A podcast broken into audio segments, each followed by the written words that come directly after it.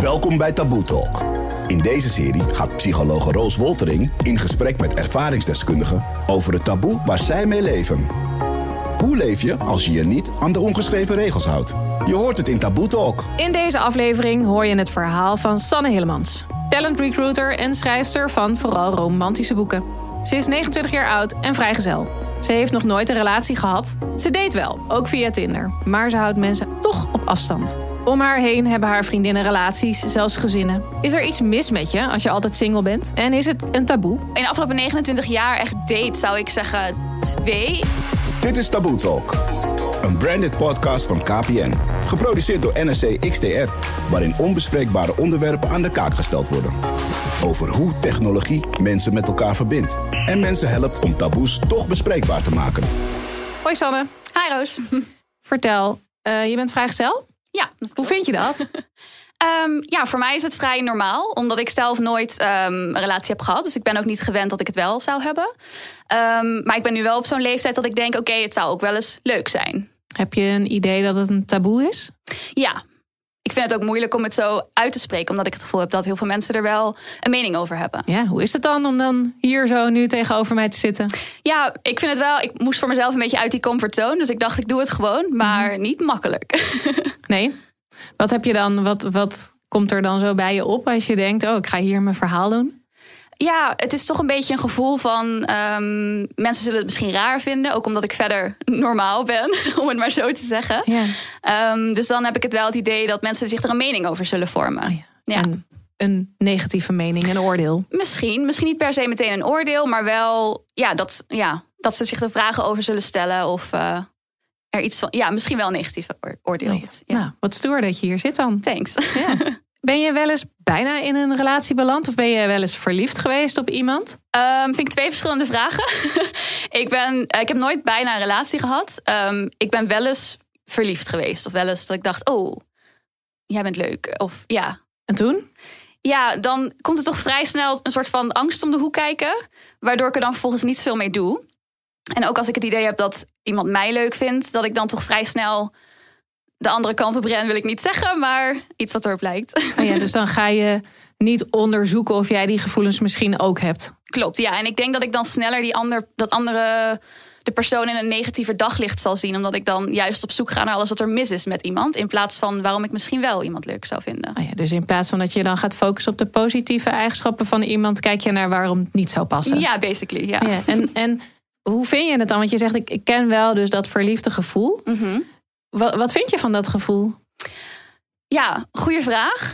Um, ik denk dat ik het tot nu toe altijd wel met iets wat negatiefs heb geassocieerd. Mm -hmm. Omdat ik, ja, het gaat bij mij vaak gepaard ook met een soort van angst. Toch wel een soort van angst voor afwijzing, denk ik. Angst omdat het onbekend is. Het is een leuk gevoel, maar het is ook, het gaat gepaard met zoveel andere gevoelens dat het een beetje, ja, ja, hoe maak ik die zin af? Maar ja, nou, de boventoon is dus, dus wat het meest dan overblijft, is dat het je bang maakt. Ja, ja. eigenlijk wel. En jij zegt angst voor afwijzing? Ja, niet alleen afwijzing, denk ik. Het is ook een stukje echt ja, jezelf helemaal laten zien. Mm -hmm. ik, kan, ik snap bijvoorbeeld zelf niet zo goed hoe mensen relaties hebben waarbij dat, dat niet het geval is. Dus voor mijn gevoel is dat echt noodzakelijk voor zoiets. Echt eigenlijk jezelf ja, blootgeven en, en meer van jezelf laten zien. En dat is niet altijd makkelijk. Nee, dus dan komt er ook een soort van kwetsbaarheid bij jou. Absoluut, ja. ja, ja. En dan doe je een stapje terug, zeg je? Ja, of vijf. Ja. Val je op mannen trouwens? Ja. ja. Ben je verliefd nu? Nee. Nee. Okay, dus we oh, hebben geen primeur zo. nee. Okay. Hey, praat je er veel over met anderen in je omgeving? Is het een onderwerp wat je veel deelt? Ja, met um, mijn uh, naasten, zeg maar echt vriendinnen. Ik heb wel, dat is ook iets. Ik heb natuurlijk in al die jaren heel veel focus gelegd op vriendschappen. Dus ik heb wel echt veel goede vriendinnen. Mm -hmm. um, en daar kan ik hier zeker mee over praten. Ook mijn moeder wel, zelfs mijn broer heb ik het wel eens mee over. Um, dus het is niet iets wat geheim is voor de mensen die dicht bij me staan. Maar ik zou het ook niet per se zo op tafel gooien bij een kennis. Nee. En dan nu wel ja. in de podcast. Ja. ja. Je zegt iets over dat je bang bent voor afwijzing en kwetsbaarheid lastig vindt in een relatie. Maar dus, dat heb je dus blijkbaar niet met goede mm -hmm. vriendinnen. Ja, ja, dat is waar. Het, dat voelt toch anders. Um, nu moet ik echt even nadenken ook over waarom. Um, maar ik denk, zeg maar, het gevoel dat je dan hoef je er niks mee. Ik vind ook die druk heel vervelend. ook bijvoorbeeld met als je een keer op een Tinder date gaat of wat dan ook, dan is er meteen een soort van aanname of er zijn meteen een soort van, ehm, hoe noem je dat? Verwachting? ja, verwachtingen. Terwijl als je met vriendinnen erover hebt, weet je, prima, alles is prima. Dus dan, dan zijn er geen enkele verwachtingen en, en hoef je er verder ook niks mee. Dan is het echt puur delen. Dus dan word je blijkbaar door ogen bekeken waar je minder bang van wordt dan als het mannen ogen zijn in ja, een date. waarschijnlijk wel, ja. Nou, het kost gemiddeld 38 uur swipen en chatten om één keer te daten via een app. Las ik in de Volkskrant. Uh, en minstens één op de drie vrijgezellen is online op zoek. Uh, volgens een onderzoek van het keurmerk Veilig Daten betalen vrijgezellen wereldwijd bijna 700 miljoen aan dating sites. Wow. Behoorlijke business. Dus ho hoeveel dates heb jij uh, gehad in de afgelopen 29 jaar?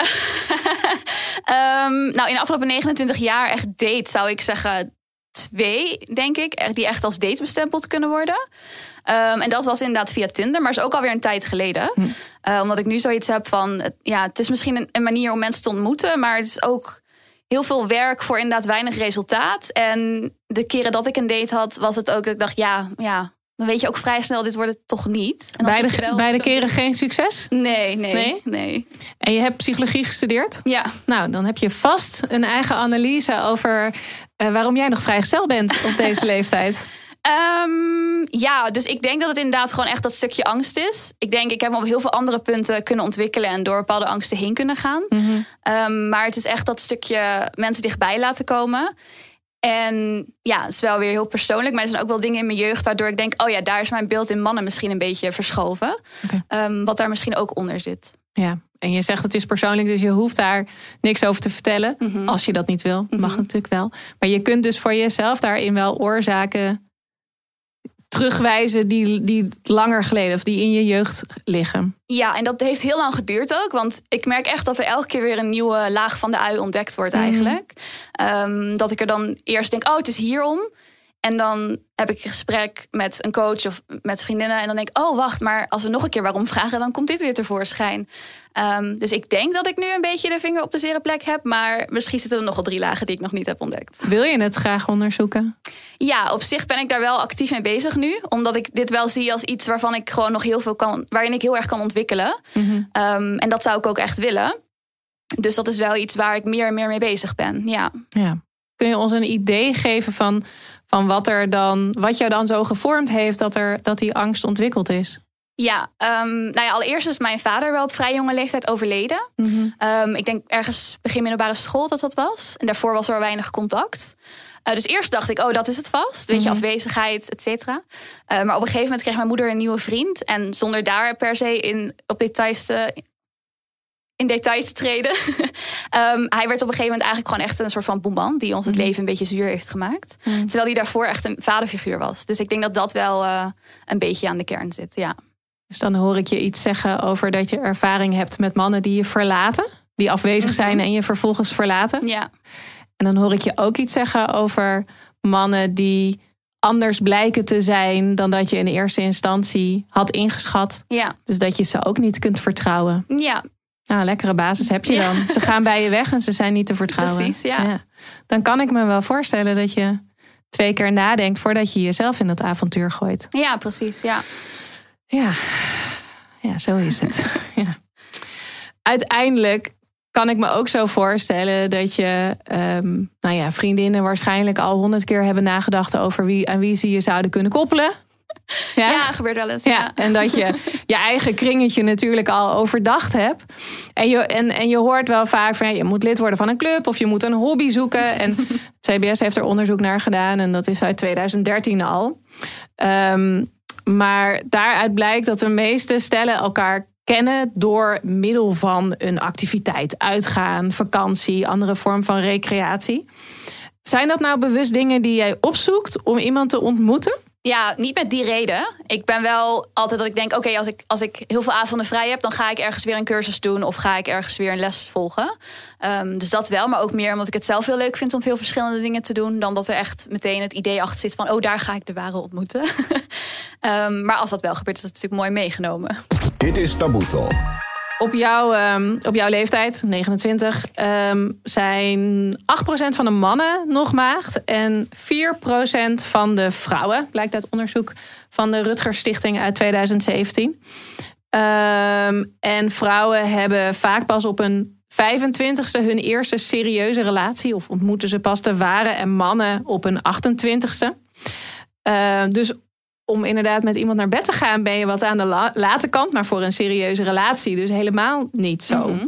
Zou je dan nu ook het allerliefste iemand willen ontmoeten met wie het direct voor het echtje is? Dus zou je het liefst nu in één keer de ware ontmoeten? Ja, niet per se. Die druk wil ik er zelf ook niet op leggen. En dat is ook niet waar ik nou echt naar op zoek ben.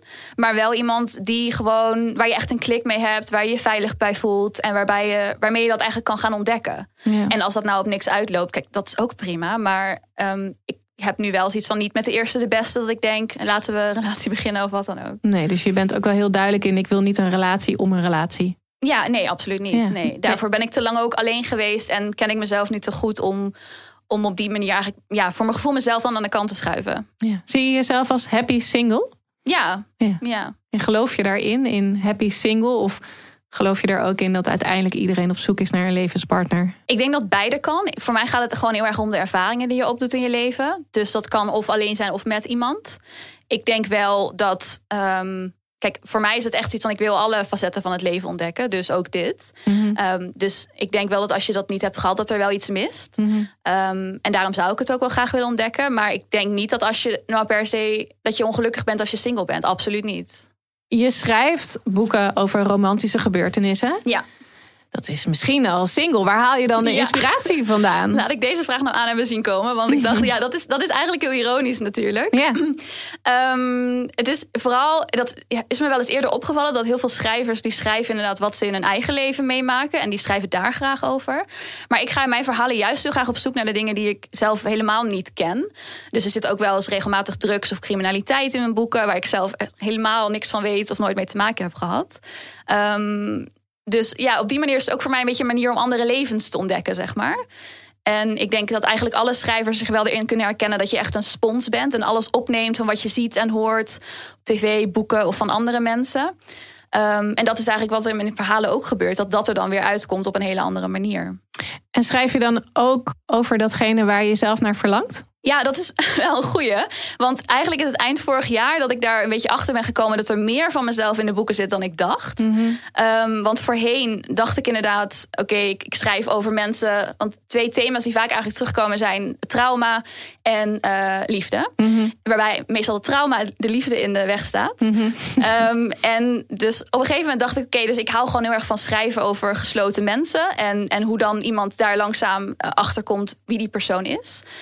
Um, en toen op een gegeven moment bij het proeflezen van mijn nieuwste boek, uh, De actrice in mij, zei een vriendin van ja, maar waarom vertelt ze het nou niet gewoon aan die vriendinnen? En waarom is ze zo geheimzinnig? En toen voelde ik me heel erg aangevallen. En toen dacht ik, oh, oké, dat is een interessante reactie. Dus blijkbaar snap ik dat wel heel goed. En ben ik zelf eigenlijk ook een beetje zo. Ja. Dus op die manier zit er iets meer van mezelf in de verhalen dan ik uh, dacht. dus dat het gesloten meisje in jou zich durft te openen en zich durft over te geven aan de liefde. Ja, is het nou eigenlijk een taboe om geen partner te hebben? En vanaf hoe oud zou je minstens één keer een partner gehad moeten hebben of seks? We hebben het op straat gevraagd aan singles en stellen. De eerste keer dat ik uh, seks had was ik uh, 15 uh, met mijn eerste vriendinnetje. Ik uh, had voor het eerst seks toen ik 15 was. 16. Toen was ik 17, denk ik. Ik vind 18 jaar voor het eerst seks hebben ja, dan toch wel laat in vergelijking met, me, met mijn eigen ervaring dan. Volgens mij hoor ik van uh, veel meer kanten dat het steeds jonger wordt juist. Uh, ik was 17, dus 18,5 vind ik best prima. Als iemand op latere leeftijd uh, nog geen relatie heeft gehad of geen seks heeft gehad, dan vind ik dat absoluut niet raar.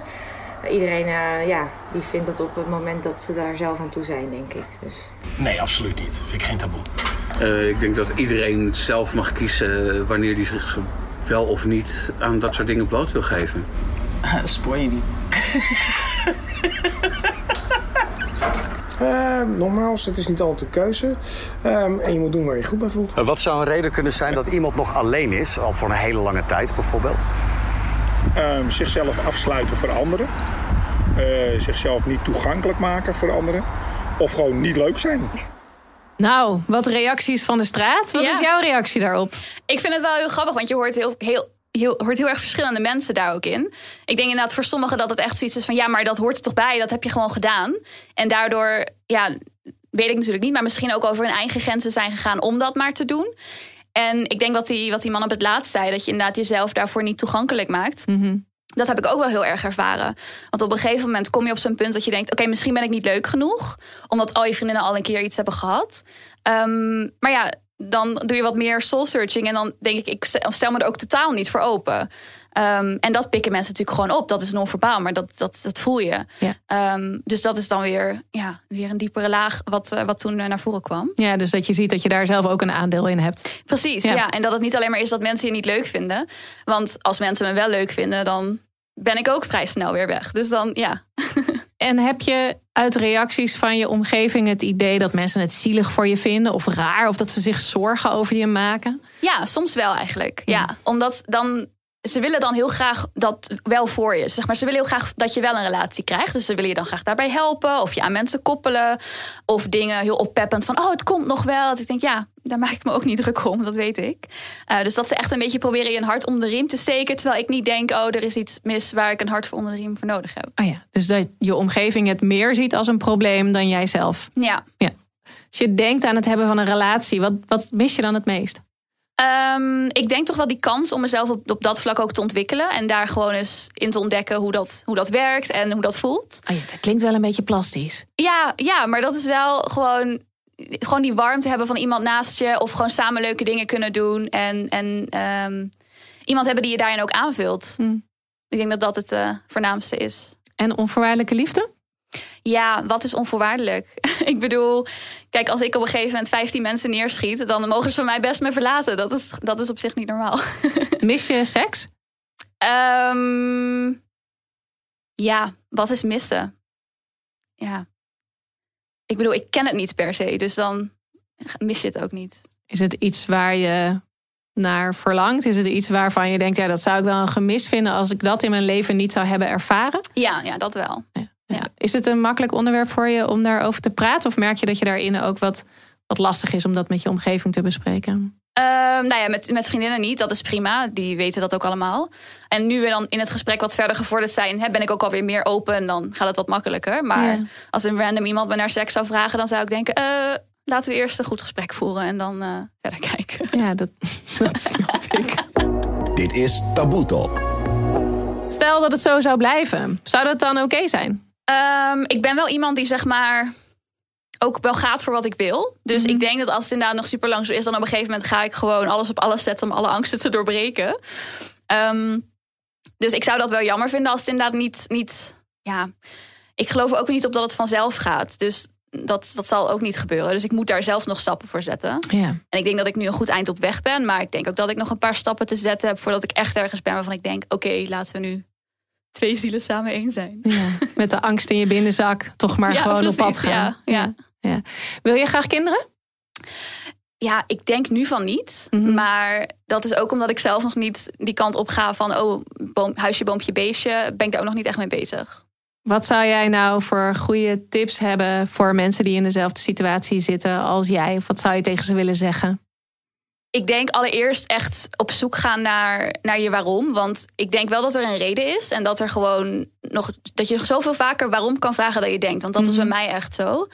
Ehm, en daarnaast ook, weet je, maak je er ook niet te druk om. Want ik heb ook van die mensen die gaan dan echt elke week op dates. En die gaan echt, weet je, Sex in the City style allemaal mannen bij langs. Dat ik denk, ja, dat is misschien ook niet zo. Misschien begint het bij jezelf. En kan je dan gaan kijken, oké, hoe ga ik verder met iemand anders? Ja, dus leer eerst jezelf goed kennen. Ja, ja dat zou ik wel aanraden. Ja, ik vind zo'n mooie uitspraak altijd dat het eerste huwelijk, goede huwelijk dat je moet hebben met jezelf is. Ja. En dat je daarna pas klaar voor bent om een goed huwelijk met iemand anders te sluiten. Ja, Ja. ja. mooi. Ja. Wat eh, kunnen, kunnen jij en ik nou doen om te zorgen dat dit minder een taboe is in de samenleving? Nou, ik hoop dat ik nu goed op weg ben door gewoon keihard op een podcast eh, dit te vertellen. Ehm, ik denk echt ook dat, dat mensen wat dat betreft, klinkt heel zwaar, maar zichzelf moeten helpen. Want het, het begint echt bij jezelf. Ehm, en daarbij gewoon leren wie je zelf bent en, en wat je zelf wil, wat je, wat je eigen angsten en verlangens zijn. Ehm, want dan kan je daarmee de wereld in en kan je ook aangeven wat je nodig hebt. En, en om hulp vragen als, als, dat, als je dat nodig hebt. Ja, zeg je mooi. Dankjewel, Sanne. Graag gedaan.